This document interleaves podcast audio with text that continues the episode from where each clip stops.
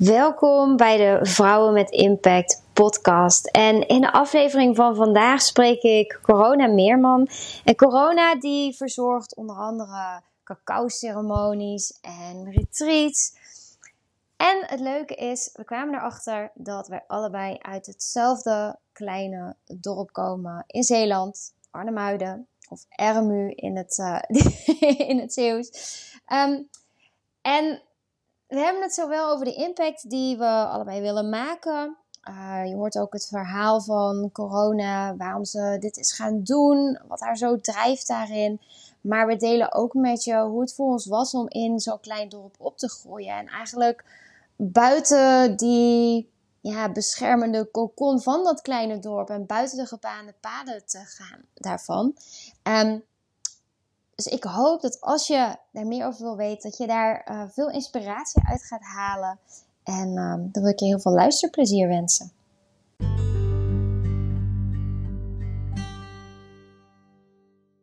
Hey corona, welkom bij de Vrouwen met Impact podcast.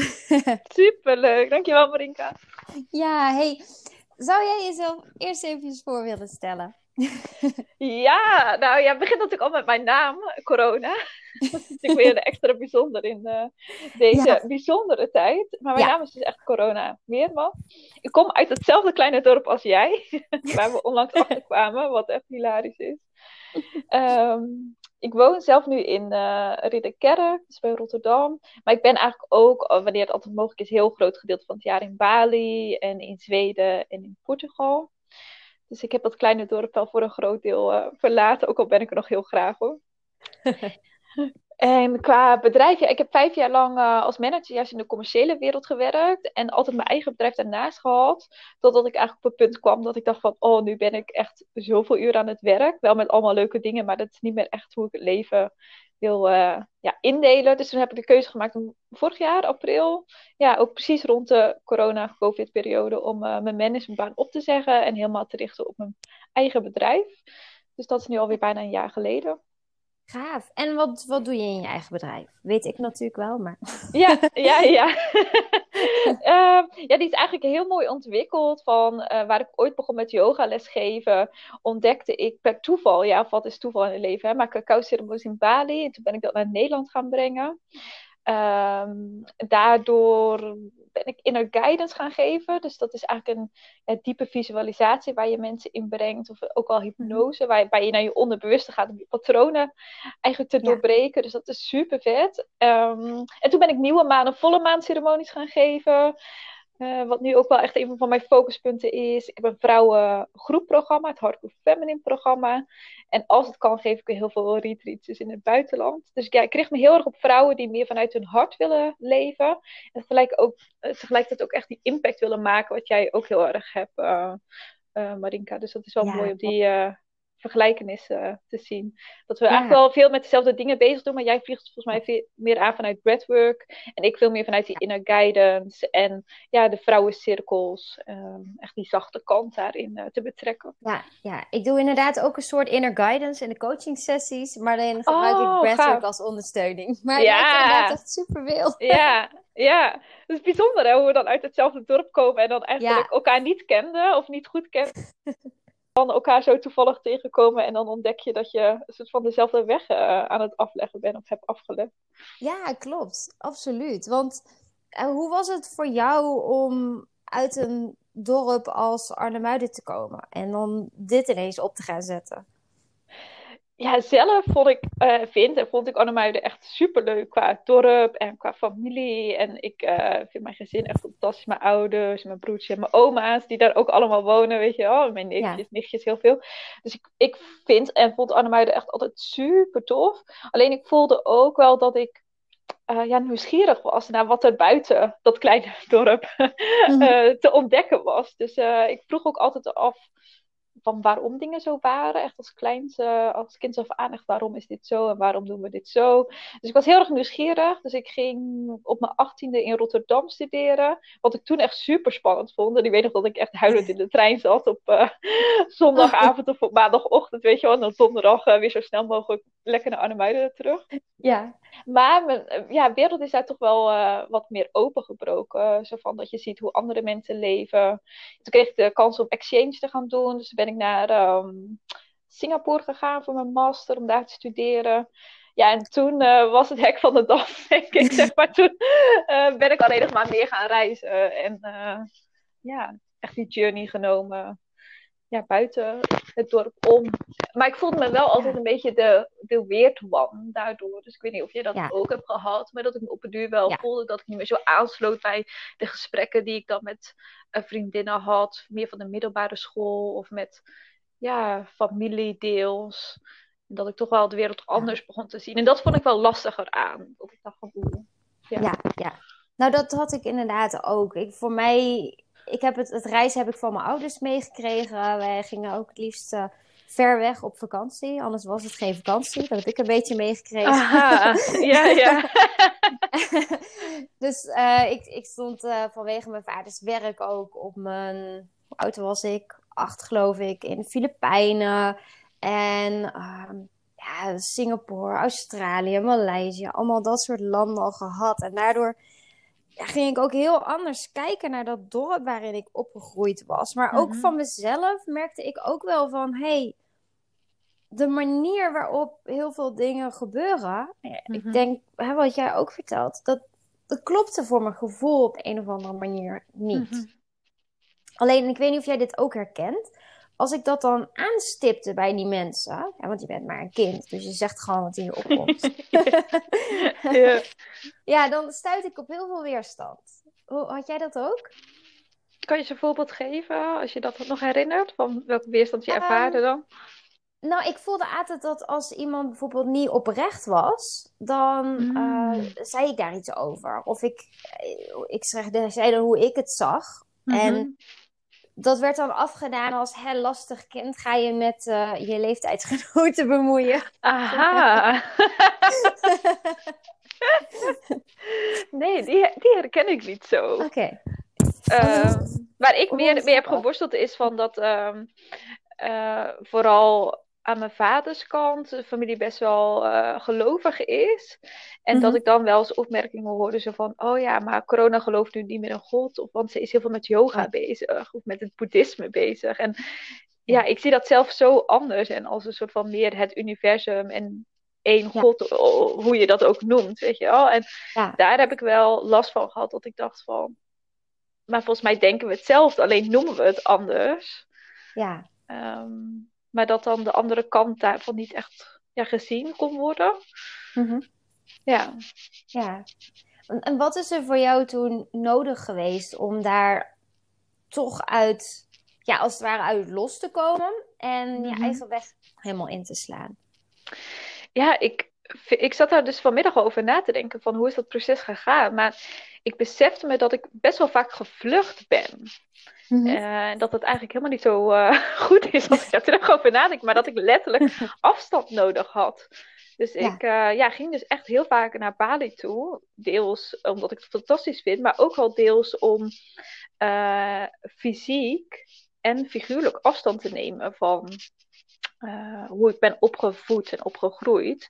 Zodat ik ja ja, meer scheid aan dingen kon hebben. Zo van, ja, ik doe nu mijn ding en ja, jullie kunnen wat van vinden, maar ja, ik ben er toch niet. Zo'n uh, mentaliteit. Ja. Terwijl, ja, ik heb het gewoon even nodig gehad. En nu ga ik echt naar Bali, puur voor mezelf. En uh, ja, denk ik dat, uh, dat ik en mijn familie juist zo'n supergoeie weg hierin hebben gevonden. Of hè, het dorp zijnde en meer het wereld zijnde, dat dat ook heel mooi bij elkaar past. Maar in die begintijd, in die beginjaren, had ik wel echt afstand nodig. Ja. Uh, en we spraken elkaar wel gewoon heel veel. Want nu lijkt misschien als je deze podcast hoort dat je denkt: wel contact heb jij met je gezegd? Had juist heel goed contact, maar wel even letterlijk en figuurlijk afstand nemen en mijn eigen weg daarin vinden. Maar ik weet ja. niet hoe dat voor jou is geweest. Ja, ik merk dat ook wel. Ik wil eigenlijk niks liever dan weg uit Arnhemuiden. Klinkt dat heel slecht. Ja, en ik wil juist weer terug. Hè? Ik weet niet per se in Arnhemuiden, maar ik wil wel echt weer graag terug naar Zeeland. Als ik ooit kinderen zou uh, mogen krijgen, oh, dan uh, lijkt me echt fantastisch als ze dan dicht bij opa en oma uh, zijn. Arnhemuiden ja, weet ik nog niet, maar Middelburg lijkt me heel tof.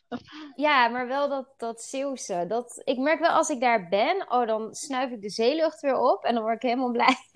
echt hè? Ja. Ja, heerlijk. Maar je had ook die afstand nodig dus. Ja, ik ben ook, uh, zodra ik de mogelijkheid had, um, ben ik naar Nijmegen verhuisd. Want daar kon ik dan um, een baan krijgen als longfunctieanalist. Toen, mm. toen niet doorhebbende dat ik ooit breathwork zou gaan doen. Wauw! maar, um, maar, ik denk wel, oké, okay, dan ben ik in ieder geval weg. Ja. en dan kan ik daar ja, een soort nieuw leven opbouwen. Mm -hmm. Waar ik er natuurlijk achter kwam dat ik uh, dat eigenlijk daar ook niet zo heel erg leuk vond. Dus voor mij was het echt een uitdaging om naar mezelf te zoeken en niet, um, ja, niet een situatie op te zoeken die dan maar anders was dan waar ik eerst was. Ja.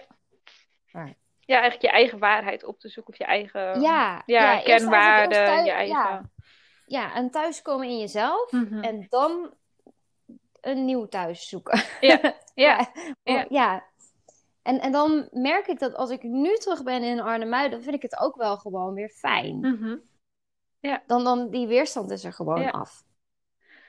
Ja, ik heb het altijd wel fijn gevonden. Alleen mijn, uh, mijn blik op de wereld werd of zo steeds groter en groter en groter. Dat ik dacht van, oh, maar daar is het ook interessant. Oh, ik ben ook wel graag in Zweden. Of, oh, in Portugal. Of, oh, ik kan een bedrijf Ja. hebben. Of, oh, ik kan mijn banen opzeggen. Terwijl, ja, misschien in de meer dorpse gedachte is gewoon van, wees blij met wat je hebt. En je hebt een goede baan. En Ja. waarom moet het anders? Of waarom moet het groter? Of waarom moet het, moet het ingewikkelder? Ja, klopt. Ja. Ik, ik, ja, ik vond wel als je anders was. ehm, en mijn familie was al een beetje een, een buitenbeentje, want we zijn import, om het zo maar te zeggen. Oh, dat is mijn familie absoluut niet. Dus die echt ermuurners, zoals Ja. dat in dialect zeggen. Ja. nee, mijn ouders die kwamen uit Soeburg. Ah, Dus oké. ehm, maar ja, die vonden het daar niet fijn. Dus die dachten, nou, dan gaan we in Arnhem wonen. Ja. Ehm, dus daar, eh, daar was ik opgegroeid. Maar ik ben, ook, ik ben daar ook heel erg ehm, gepest op school. En ik was altijd anders. Ah, Dus voor mij was dat echt van, oké, nee, ik wil hier gewoon niet zijn eigenlijk. nee. Om- wa- en, en dat is meer van het stuk van, oké, dus als je hier anders bent, Mhm. dan word je al gauw niet meer geaccepteerd Mhm. of zo. Dat gevoel had ik heel sterk. Mhm.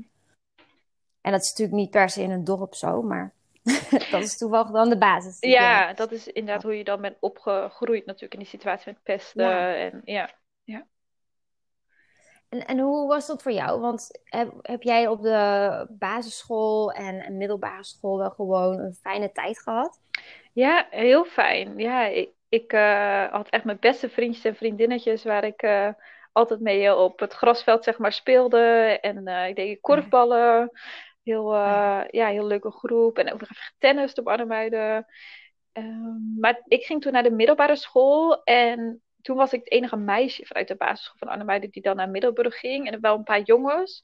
Maar toen heb ik wat Oh. meer de meiden leren kennen uit de stad, zeg maar. Dus het waren vooral Ja. eh, meiden uit Middelburg en Vlissingen. Ehm, en die wisten sowieso al van, oh, ik ga studeren en ik ga daar naartoe en daar. En ik was daar nooit zo mee bezig. Ik heb ook wel heel lang gedacht dat ik gewoon op de hogeschool zou studeren. Ook al had ik dan VWO gedaan. Dat ik dacht, ik vind het toch fijn om gewoon in Zeeland te blijven. Dus ik was echt best wel gehecht aan Zeeland en Arnhemuiden en de vrienden die ik had. En eh, ja, het sporten. Ja, hele leuke tijd eigenlijk gehad. Maar altijd de nieuwsgierigheid van, hmm, misschien is het toch wel meer.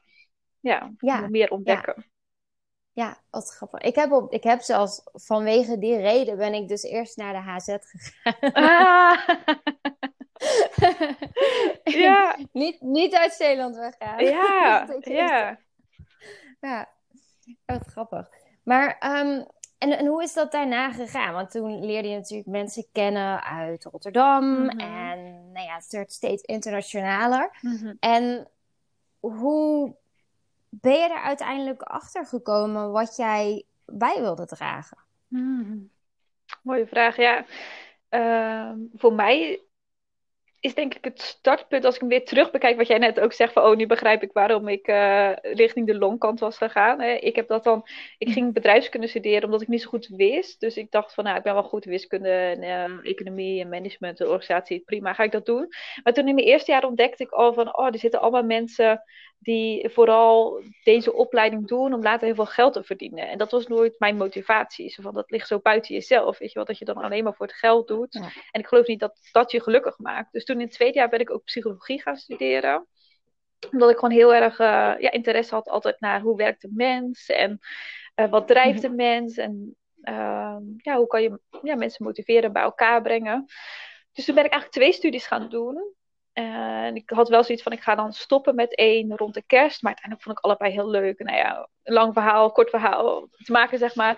Uh, ben, heb ik twee studies afgerond. En daar is denk ik altijd een combinatie van mij geweest. Heel erg van, oh, ik vind het zo leuk, het bedrijfskundige en het, ja, het ondernemerschap en een impact maken. Maar tegelijkertijd wel op een heel menselijke manier. Dus uh, daar ben ik mee begonnen. En toen, wat ik net al in het begin zei, toen heb ik ja, per toeval dingen ontdekt. Zoals yoga en cacao en uh, ja, inner guidance. En ben ik gewoon elke keer een opleiding weer bij gaan doen. ik heb uh, drie yoga-opleidingen gedaan. En dan een inner guidance opleiding. En cacao ceremonie facilitator opleiding. En zo, zeg maar, is dat balletje gaan rollen. En ja, ik denk dat deze journey nog steeds niet klaar is voor mij van wat ik dan echt wil doen of wat ik echt uh, wil betekenen. Maar voor nu voelt het heel erg kloppend ja, om vrouwen meer te laten zien dat je niet zo hard ook hoeft te werken. Ik heb natuurlijk best wel lang dan als manager gewerkt en ik zag dan vrouwen zo struggelen in dat leiderschap en weet je, in die masculine wereld zitten van altijd aanstaan en presteren en moeten en eigenlijk die pauzeknop niet zo weten ja, te vinden. En ik ben al veel meer van die yin en die yang filosofie, hè, van dingen in balans brengen. Mhm. En dat je juist ook af en toe even naar buiten kan kijken en niks kan doen. En dat juist daardoor je veel ja, effectieve persoon wordt. En dat je veel meer vanuit ease en grace en fun kan leven, in plaats van dat het even zwaar of moeilijk zou moeten zijn. Dus uh, dat voelt heel erg als mijn missie nu. Van om mensen meer die zachtheid mee te geven. En die ontspanning. En het moment van reflectie. In plaats van door en door gaan. Ja, ja, gaaf. En voelde je dat als kind ook al? Als je nu terugkijkt. Hmm. Uh, ja. Ja ik, ja, ik heb altijd wel het gevoel gehad dat ik dus impact wilde maken. En mensen bij elkaar wilde brengen. En zo van die harmonie en zachtheid zat er altijd al wel in. Ja. Mhm, mooi om terug daarover na te denken. Ja. Als kind was ik ja, altijd dus wel bezig met een impact maken of dingen groter maken. Ja, was het voor jou ook zo? Ja, nou ja, niet dat ik het heel, ehm, heel leuk vond, maar ik zag dus al gauw waar, waar het niet klopte. Hmm. Waar iemand niet, uh, niet authentiek was of niet oprecht was. Dat stuk, dat, dat had ik altijd al al meteen door, eigenlijk. gewoon puur, het ging gewoon vanzelf. Ja. Ik had geen idee wat ik daar nou weer mee ja, Dat is echt een talent wat je dan hebt uh, gewoon meegekregen. Ja, ja, ja, soort van, ja. En, en, daar, dat heb ik natuurlijk eerst heel lang weggestopt. Ja. Want dat werd niet helemaal uh, goed. Ja, dat werd als lastig en als niet normaal gezien. Ja, ja, ja. dus ja, en, en dan is het grappig hoe je daar dan uiteindelijk niet voor weg kan lopen. Want je komt er toch weer bij terug. Mhm. Wat je, ja, daar dan ook al. Wat je als kind al, al eigenlijk al heel goed kon. Ja, klopt. En dat vergeet je soms onderweg. Maar dat komt uiteindelijk weer naar je terug, hè? Dat, of tenminste, zo voel ik dat heel erg. Want dan gebeurt er iets in je leven waardoor je denkt van... Oké, nee, maar ik, ik, heb gewoon te zijn wie ik ben. Hè? Wat ik al als kind wist, wie ik was. Maar door al die lagen, door hè, school en het systeem van uh, studeren en werken vergeet je soms. Ja, de mooie talenten die iedereen in, uh, in zich heeft. Ja, ja. En had jij zelf ook zo'n kantelpunt? Um,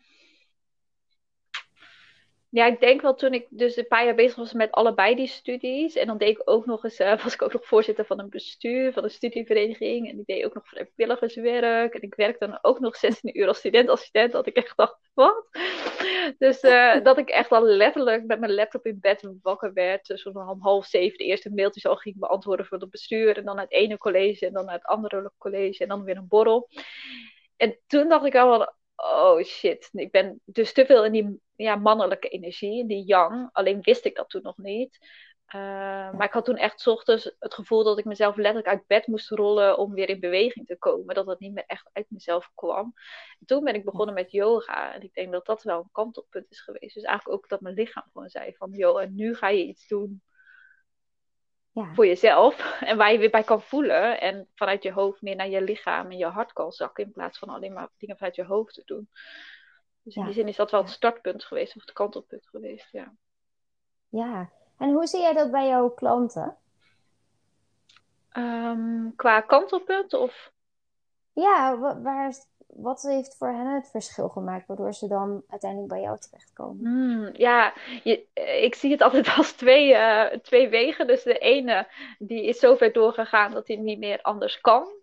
En de andere, ja, dus meer een beetje reactief reageren. En de andere heeft een stukje proactief leiderschap al best wel goed ontwikkeld. En die heeft zoiets van, nee, maar samen kan ik veel sneller groeien en kan ik het leven nog veel leuker en fijner maken. Dus laten we samenwerken en uh, ja, help mij om uh, nog meer vanuit mijn hart te leven. Ja, ja mooi. En die kant vind ik eigenlijk het allertofste, eerlijk gezegd, als mensen zelf die proactiviteit hebben, die leiderschap hebben. Zo van, ja, van samen kan ik leren, jij bent net iets verder dan wat ik ben. En uh, laten we daarin elkaar uh, ja, versterken. Ik vind dat echt super mooie eigenschap. Als mensen coaching zien ook als um, ja, leiderschap in plaats van als zwakte. Weet je wel, dat wordt ook nog veel vaak gezien oh, heb je een coach? Of uh, ga je naar een psycholoog? Of, uh, weet je wel. Ja, ja, dan zegt ze, oh, dan ben je vast, dan is er iets mis, met je. Of dan kun je het niet allemaal zelf oplossen. Mm -hmm. nee, misschien maar goed ook dat we niet alles zelf kunnen. Echt, hè? Ja. ja. ja. Ja, oh, ik herken zo wat je zegt. Ik vind het heerlijk om te horen. ik vind het ook echt zoveel leuker om met mensen te werken die al bepaalde stappen zelf hebben gezet. En die nu zoiets hebben van: ik wil nog meer stappen mm. zetten. Want ik vind het heerlijk om in die persoonlijke groei te zitten. Maar echt dat. Ja, en wat ik merk, maar ik weet niet of jij veel met bedrijfsleven werkt, maar dat daar ook wel een switch aan het gaande is. Dat ik nu zie dat heel veel mensen die dan meedoen uh, met het groepsprogramma bij mij, uh, bij het Hardcore Family programma, dat dan de werkgever het betaalt. Dus dat ze dan een budget hebben van 1000 euro of 1500 euro en dat ze dat dan mogen besteden ook aan programma's uh, die dus wat meer gericht zijn op die soft skills. Hè? Op meer van, vanuit je hart oh, ja. leven en ontspannen. Ja. En ik vind dat dan zo tof om te zien dat ja, bedrijfsleven daar ook meer ruimte nu voor aan het maken is. Dus ik geloof ook wel dat we in de wereld dus in de verandering gaande zijn. Ook door uh, COVID. Mm -hmm. Ik noem dat weer even COVID-19 om ja. onderscheid te maken. Maar, ja, dat is... of corona. Maar hè, dat we ook wel in een transitie zitten van meer vanuit vertrouwen leven. de baas kan het niet meer controleren wat je allemaal aan het doen bent. Dus dat je je team moet vertrouwen.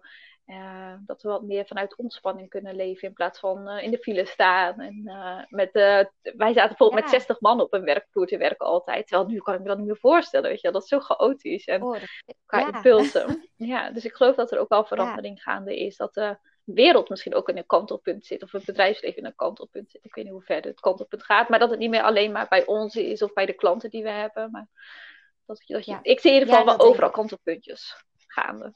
Ja, ja, ik zie heel veel mensen zich steeds meer bewust worden wat, van wat ze nou eigenlijk echt nodig hebben. Mm -hmm.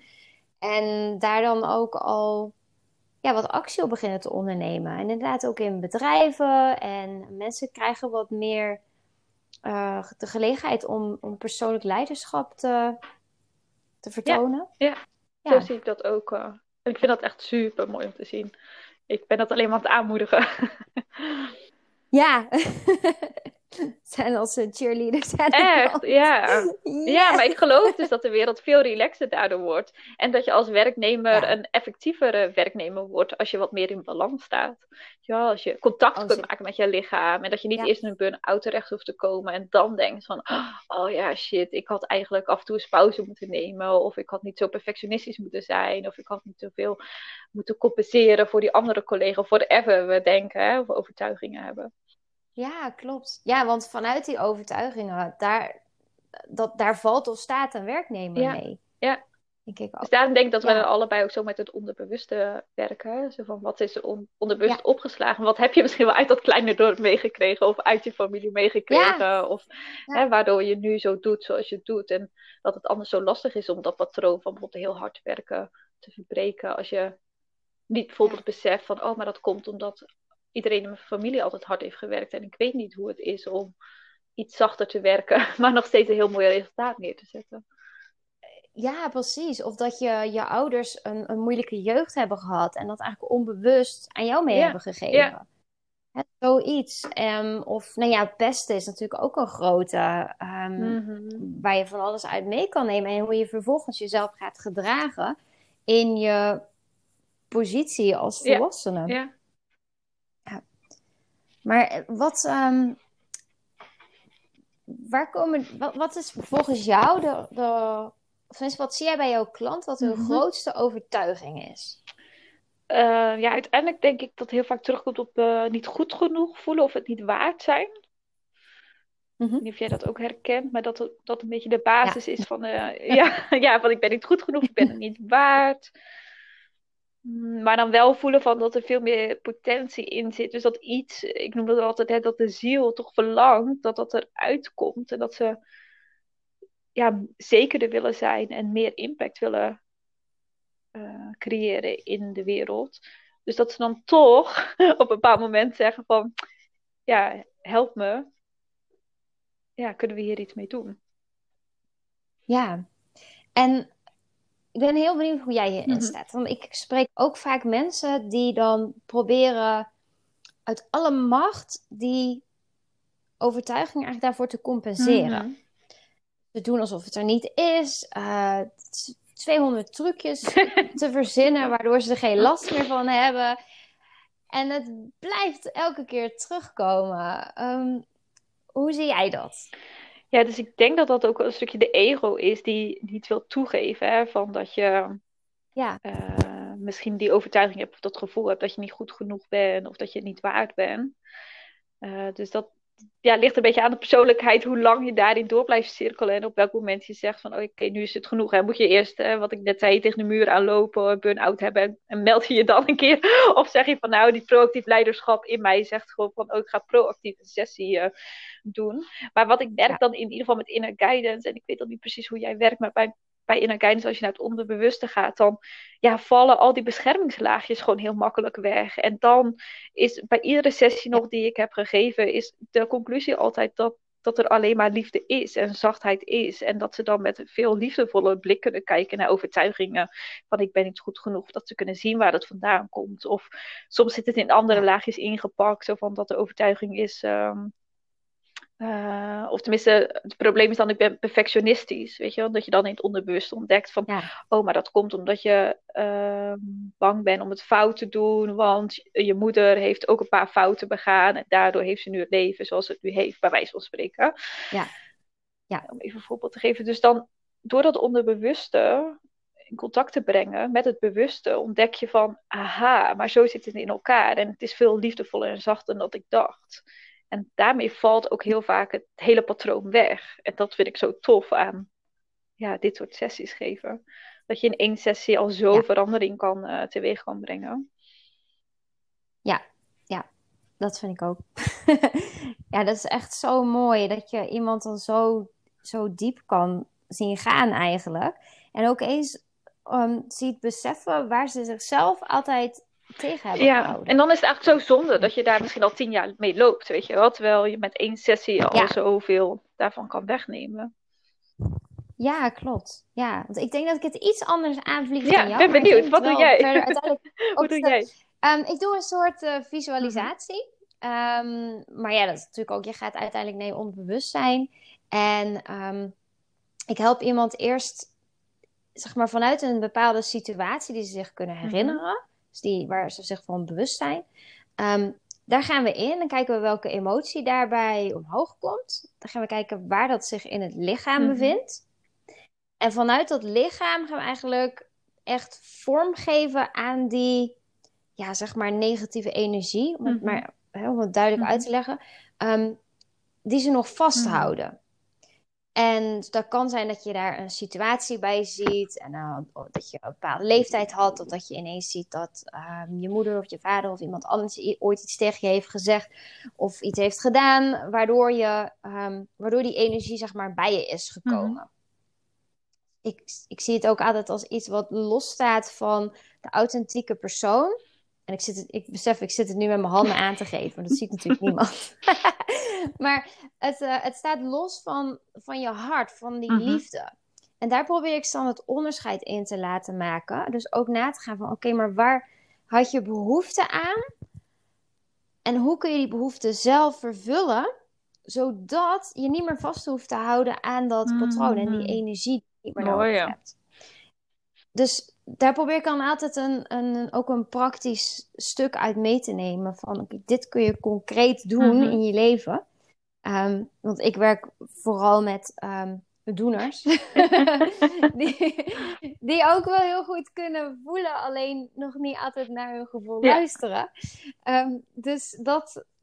Dan probeer ik er iets concreets uit te halen. Zodat ze die discipline die ze normaal op hun werk of, of waar dan ook inzetten, waar ze heel hard voor zichzelf zijn, dat ze dat gaan inzetten op het zelfwerk en aan zichzelf ehm, liefde geven, tijd voor jezelf maken, dat soort dingen. Dus ook als ze dan terug worden getrokken uit dat van, oh, ik zou eigenlijk nu hard moeten werken. Nee, nu ga ik, moet ik misschien even mijn discipline Mhm. inzetten, maar nu ga ik iets doen wat ik graag wil. En dan lukt het vaak heel makkelijk om zichzelf daaraan over Ja. te geven, omdat dat uiteindelijk het authentieke is. En ze hebben die ervaring van dat ze dat hebben gezien en gevoeld. Als een soort van ankerpunt. Van, ja. Ja, ja, want als je weet, als je jezelf bijvoorbeeld als babytje voor je hebt gezien, wat gewoon eigenlijk een, een echt aandacht nodig had, maar het niet kreeg op de een of Mhm. andere, om de een of andere reden, dan kun je altijd weer eventjes teruggaan naar dat Mhm. babytje.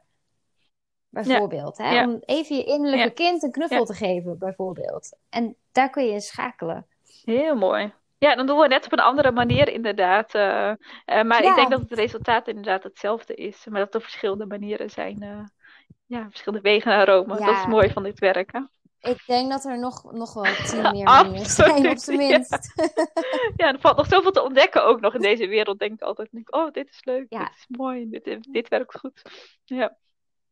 Ja, ja. Hey, en hoe zit dat met, die, met zo'n cacao-ceremonie? Ik ben daar echt zo benieuwd naar. Ik ben dol op chocola. Ja, want jij hebt je. Dus membership denk, natuurlijk, better than oké. chocolate. En toen dacht ik, nou, dat weet ik niet Ja. dat dat beter kan zijn dan Nee. chocolate. Ik begin daar nu ook over te twijfelen. Of Nee, heb je wel eens meegedaan aan een cacao-ceremonie? Of... Nee, Ah. Dus oké. vertel. Ehm, nou, bij een cacao-ceremonie gebruik je dan 100% pure cacao. Onbewerkte cacao. En dat is wat eigenlijk in Nederland niet kennen. Dus daarom heb jij waarschijnlijk ook je membership zo better than chocolate genoemd. Van hè, die chocoladereep van de supermarkt, die Tony Chocoloni. Die kan je eigenlijk Ja. beter laten staan en lekker gaan ademen. Eh, maar de 100% pure onbewerkte cacao, die is dan niet verhit. Of hè, die komt niet boven de 100 graden, waardoor er superveel goede voedingsstoffen in blijven. Dus ik denk hetzelfde effect ook met breathwork, maar dat er zoveel zuurstof in je lichaam komt. Maar ook antioxidanten zitten er heel veel in, en mineralen, magnesium. Echt, eh, ze zeggen meer dan 20 keer dan blauwe bessen bijvoorbeeld. Dus het is echt zo'n superfood Mhm. die je dan ehm, drinkt. En door al die voedingsstoffen gaat je lichaam wat meer ontspannen. Dus je spieren ontspannen en je bindweefsel ontspant. En ik noem het altijd heel erg alsof er een soort van die laagjes om je hart afversmelten. Al die beschermingslaagjes die je Ah. bewust of onbewust door je leven heen hebt op, ja, om je hart hebt heen gelegd. Die Ja. komen langzaam los en dat je weer meer je gevoel kan voelen. Hè, dus wat jij ook net zegt van het doen of van het denken, weer meer naar het voelen gaan. En daar helpt cacao gewoon ontzettend bij. En ja, ze noemen het dan oorspronkelijk een ceremonie. Vanuit eh, Zuid-Amerika komt het al van duizenden jaren geleden. Maar meer van hè, als het samenkomen om het vuur heen, bij wijze van spreken. En Ja. weer even contact maken met jezelf en met de anderen. En de echte gesprekken hebben. De diepgaande gesprekken van hoe gaat het echt met je. In plaats van eh, de oppervlakkige gesprekken over het weer, hè, over de sneeuw van vandaag. Maar, Ja. Ehm, maar ook een stukje bewustzijn van intenties zetten.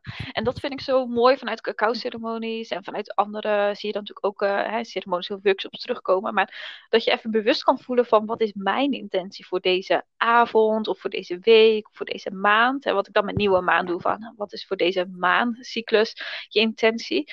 En dan kom je eigenlijk ook weer terug op dat proactief leiderschap. Dat ik voel van je kan zoveel uh, zelf creëren als je bewust bent van wat is nou eigenlijk mijn intentie, wat is mijn verlangen, of wat wil ik voor impact creëren, in plaats van dat het leven je soort van overkomt.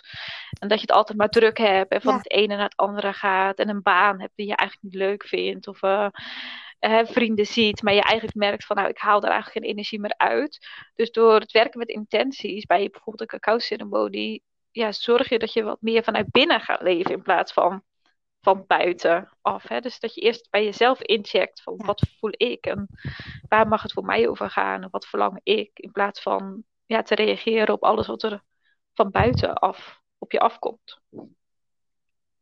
Ja, mooi. Ja, het lijkt me heel bijzonder om mee te maken. En doe je daar um, verder nog meer bij tijdens zo'n ceremonie? Ja, dus dat is het mooie van uh, cacao-ceremonies. Kan je het combineren met zoveel verschillende dingen. Dus uh, wat ik doe is met aesthetic dance. Ik weet niet of je dat ooit hebt gedaan. Nee, dus uh, aesthetic dance is uh, dus dansen, maar dan zonder pasjes, zeg ik altijd. Dus je hoeft niet de muziek te volgen qua pasjes, dat je ja, ja, een danspasje moet doen. Maar gewoon, je voelt eigenlijk hoe je lichaam wil bewegen. Dus dat is eigenlijk een heel erg um, ja, lichamelijke ervaring, dat je wat meer openheid creëert in je lichaam. En die blokkades die je met breathworker ook uithaalt, kan je natuurlijk ook door ja, free movement, eigenlijk met aesthetic dance, kan je ook heel erg losmaken. Dat je meer op je intuïtie beweegt in plaats van wat mooi zou zijn of uh, goed zou zijn. Dus ja, met dans is een combinatie, ja. maar ik combineer hem ook met mantra zingen. En ik combineer hem ook met gewoon een meditatie of met inner guidance.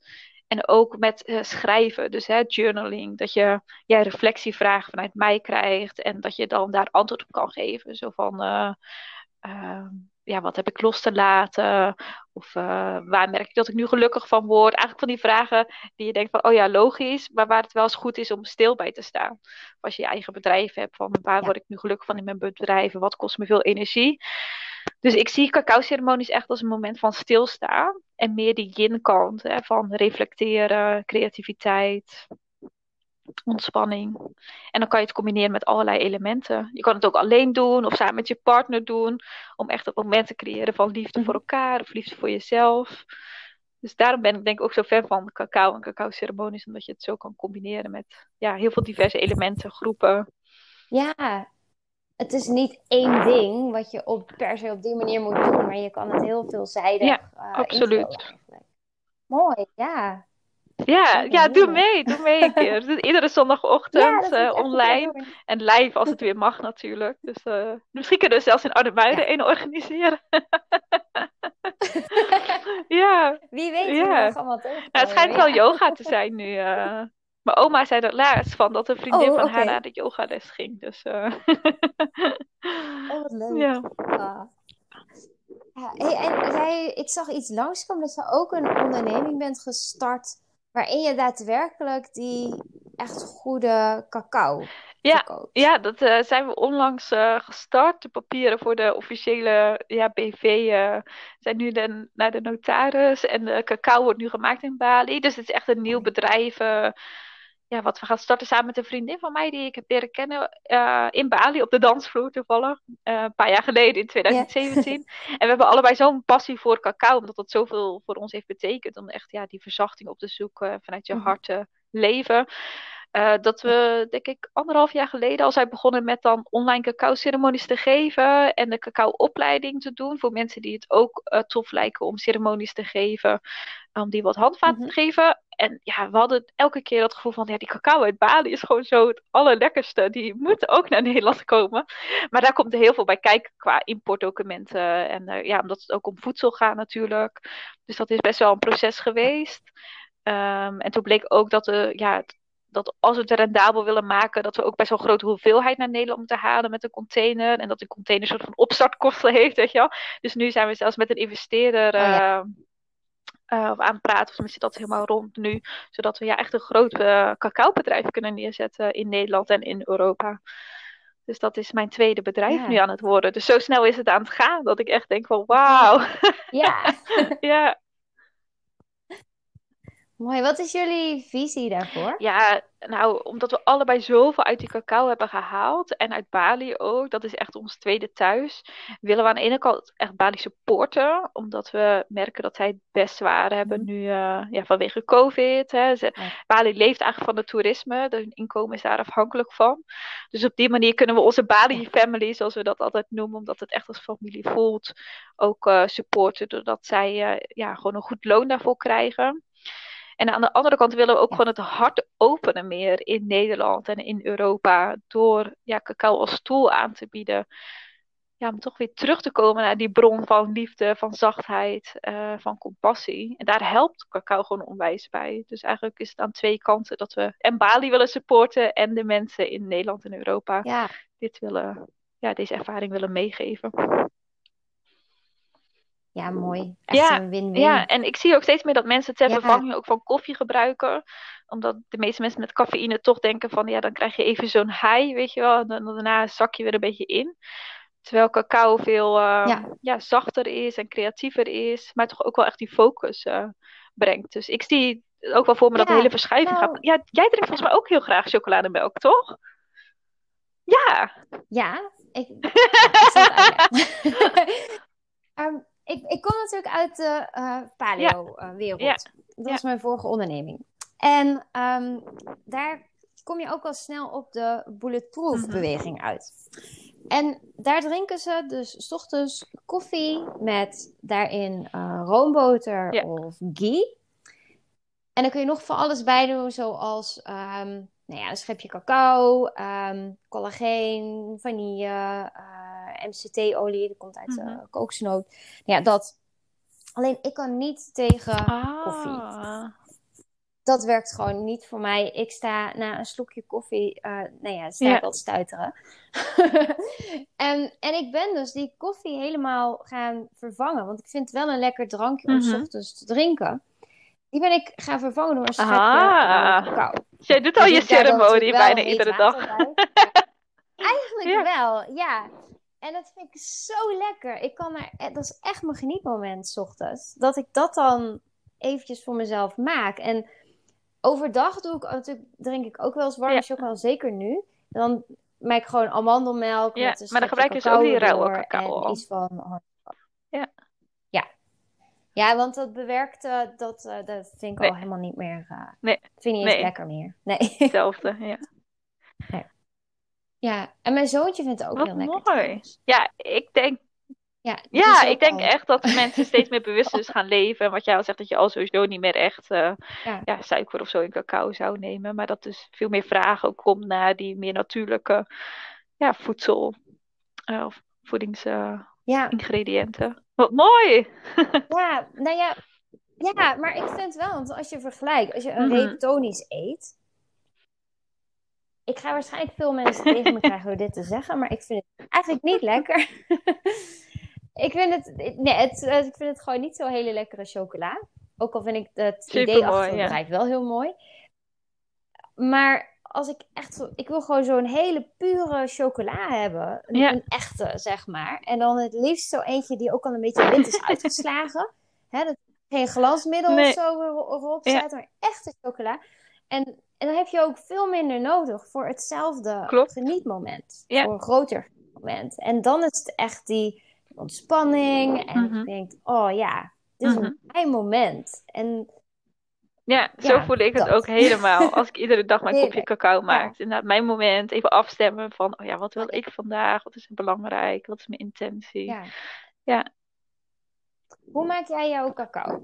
Je gebruikt natuurlijk de, Ja. mooie cacao uit Bali. Dat klopt. Dus, ja. Ehm, nou, ik heb een soort van eh, de quick eh, way. En dat is echt heel erg. Dan, doe ik mijn cacao nog wel in kleine stukjes snijden. En dan doe ik dat in de melk opschuimen gooien. Ja, Met amandelmelk of eh, havermelk.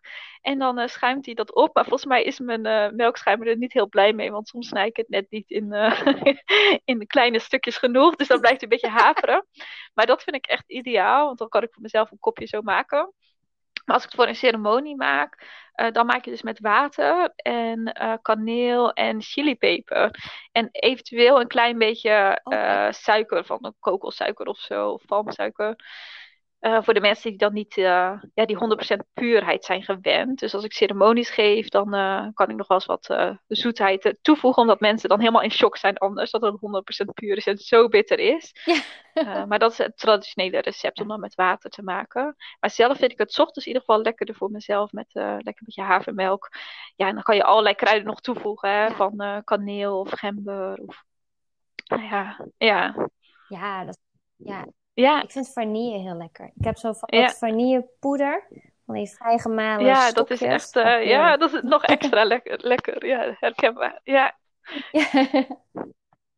Hoe was jouw eerste cacao-ceremonie? Wat gebeurde er toen dat je dacht... Ja, dat was zo bizar. Ik uh, hoorde gewoon zo'n stem fluisteren van... Uh, ja, corona, dit moet je naar Nederland brengen. En ik dacht, huh, wat? Ik dit? Huh? en uh, ja, ik dacht, hoe dan? Hoe ga ik dit dan naar Nederland brengen? Ik voelde me daar ook helemaal niet uh, ja, de aangewezen persoon voor of zelfverzekerd voor. Dus dan kom je eigenlijk weer terug bij van, uh, ik voelde me niet goed genoeg.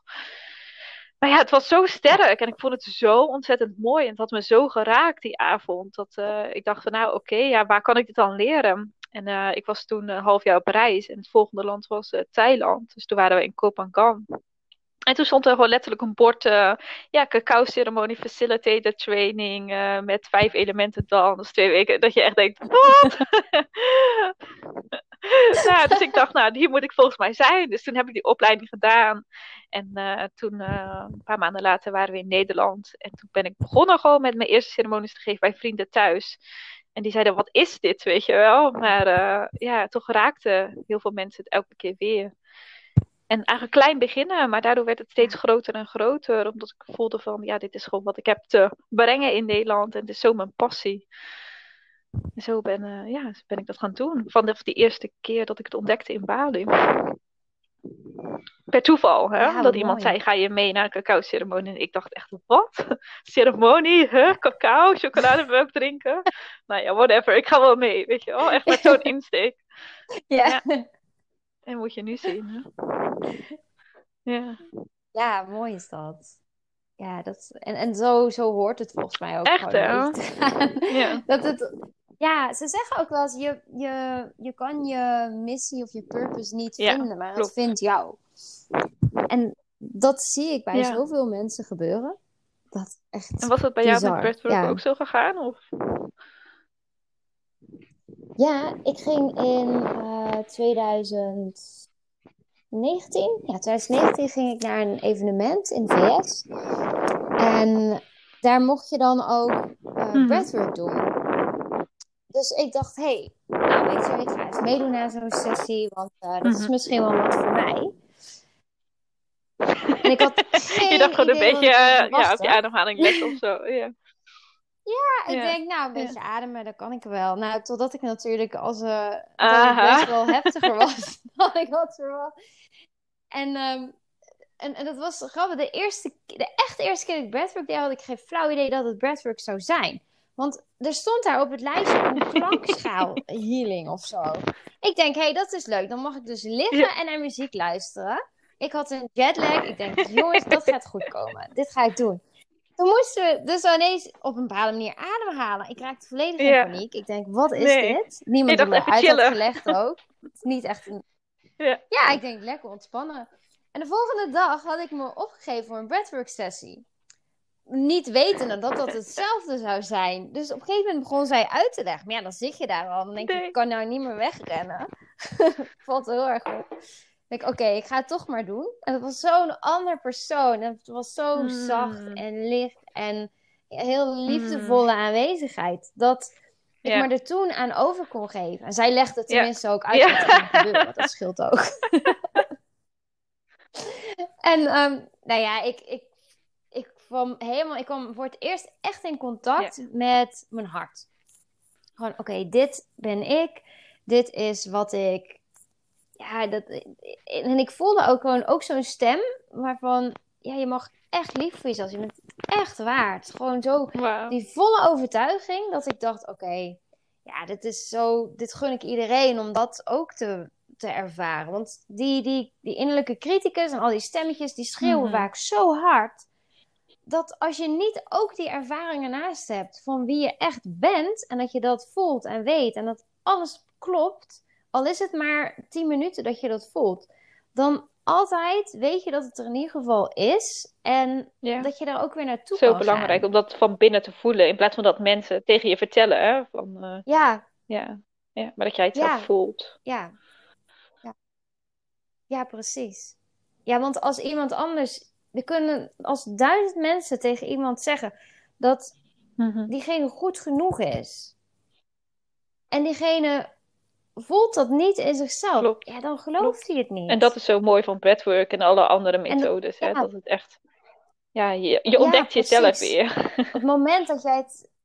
Ja, ja dat, dat, dat, ja, dat punt waarop je het zelf voelt van hé, hey, dit ben ik.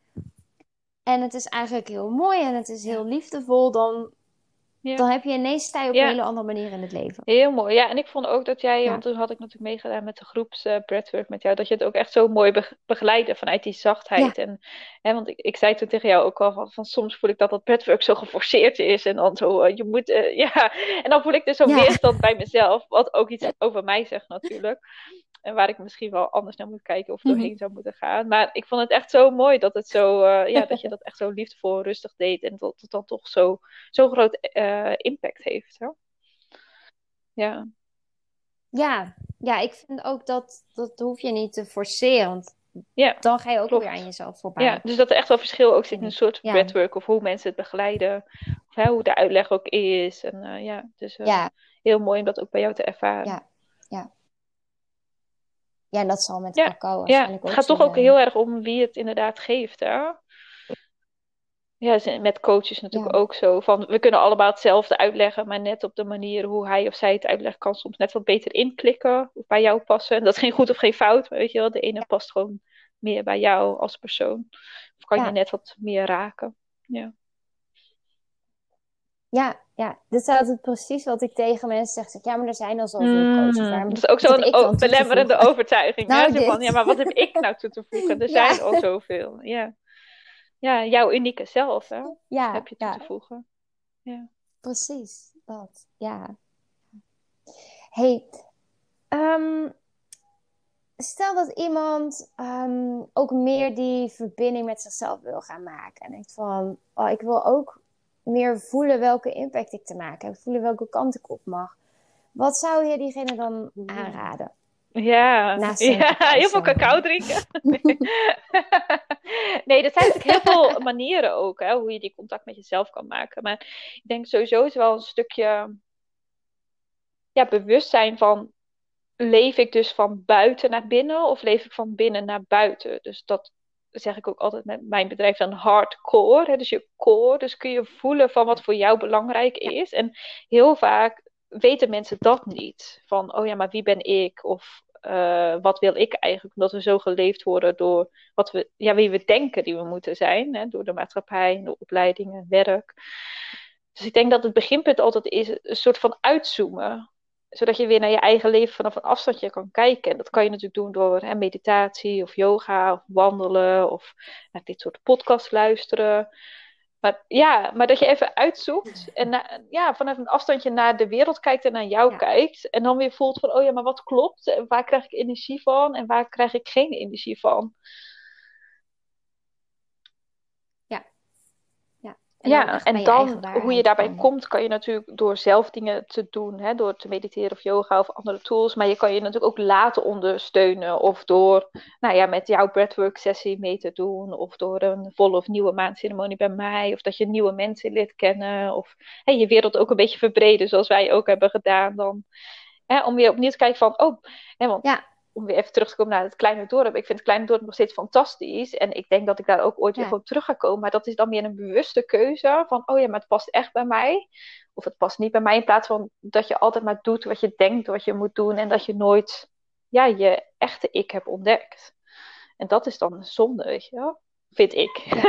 maar dat is natuurlijk mijn, uh, ja, ja, mijn journey. Dat ik denk van, oh, ontdek. Ja, ja maar ik, ja, ja, ik ben er echt echt helemaal mee eens. Want ik hoor ook vaak van ja, maar de mensen om mij heen vinden het raar wat ik doe, of begrijpen het niet. Of...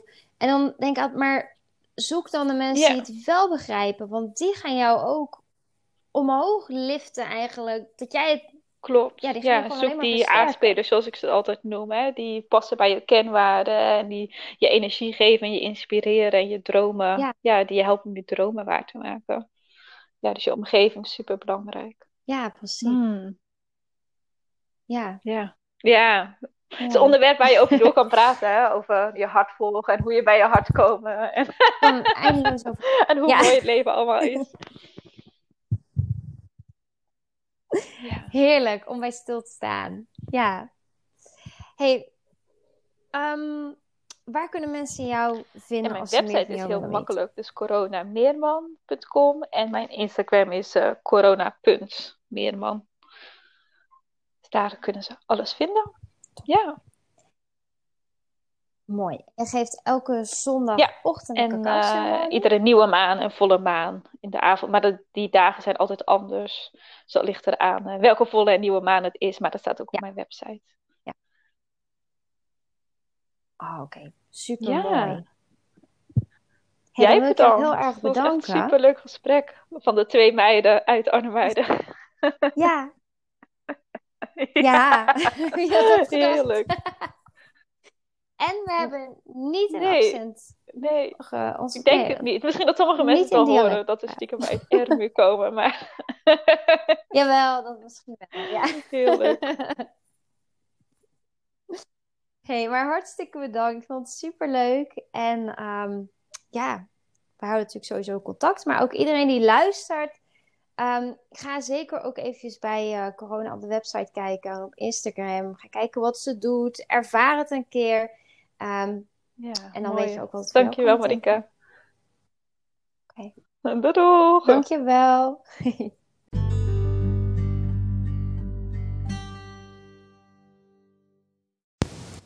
Dankjewel voor het luisteren naar deze Vrouwen met Impact podcast aflevering. Um, ik heb er in ieder geval enorm van genoten om het interview met corona te doen. En ik hoop dat het jou heeft kunnen inspireren om misschien je hart wat meer te openen. Om meer buiten de gebaande paden te stappen als je daar merkt dat je daar weerstand bij hebt. En om helemaal jouw eigen weg in te slaan en te kijken waar het je brengt. Omdat het je op zoveel mooie plekken ja, kan laten uitkomen. En als je zegt van nou, daar heb ik wel wat hulp bij nodig. Um, abonneer je op de podcast, dan kun je natuurlijk veel vaker afleveringen horen. Of van mij of interviews met anderen die ook zo'n soort weg hebben afgelegd. Of ga eventjes naar marinkabil.nl en daar vind je bijvoorbeeld een gratis breathwork sessie die je kan downloaden. Eentje die je elke dag kan doen om ook weer helemaal in contact te komen met wie jij bent. En om te ontspannen, en vaak zelfs om hele mooie inzichten te krijgen voor bijvoorbeeld je onderneming. Um, en volg me natuurlijk ook op Instagram, marinka.bil. En daar deel ik nog veel vaker van alles uh, om je te inspireren. En met name over hoe je voorbij die beperkende overtuigingen komt. Oké, okay. dankjewel. En ik wens je een hele, hele, hele fijne dag.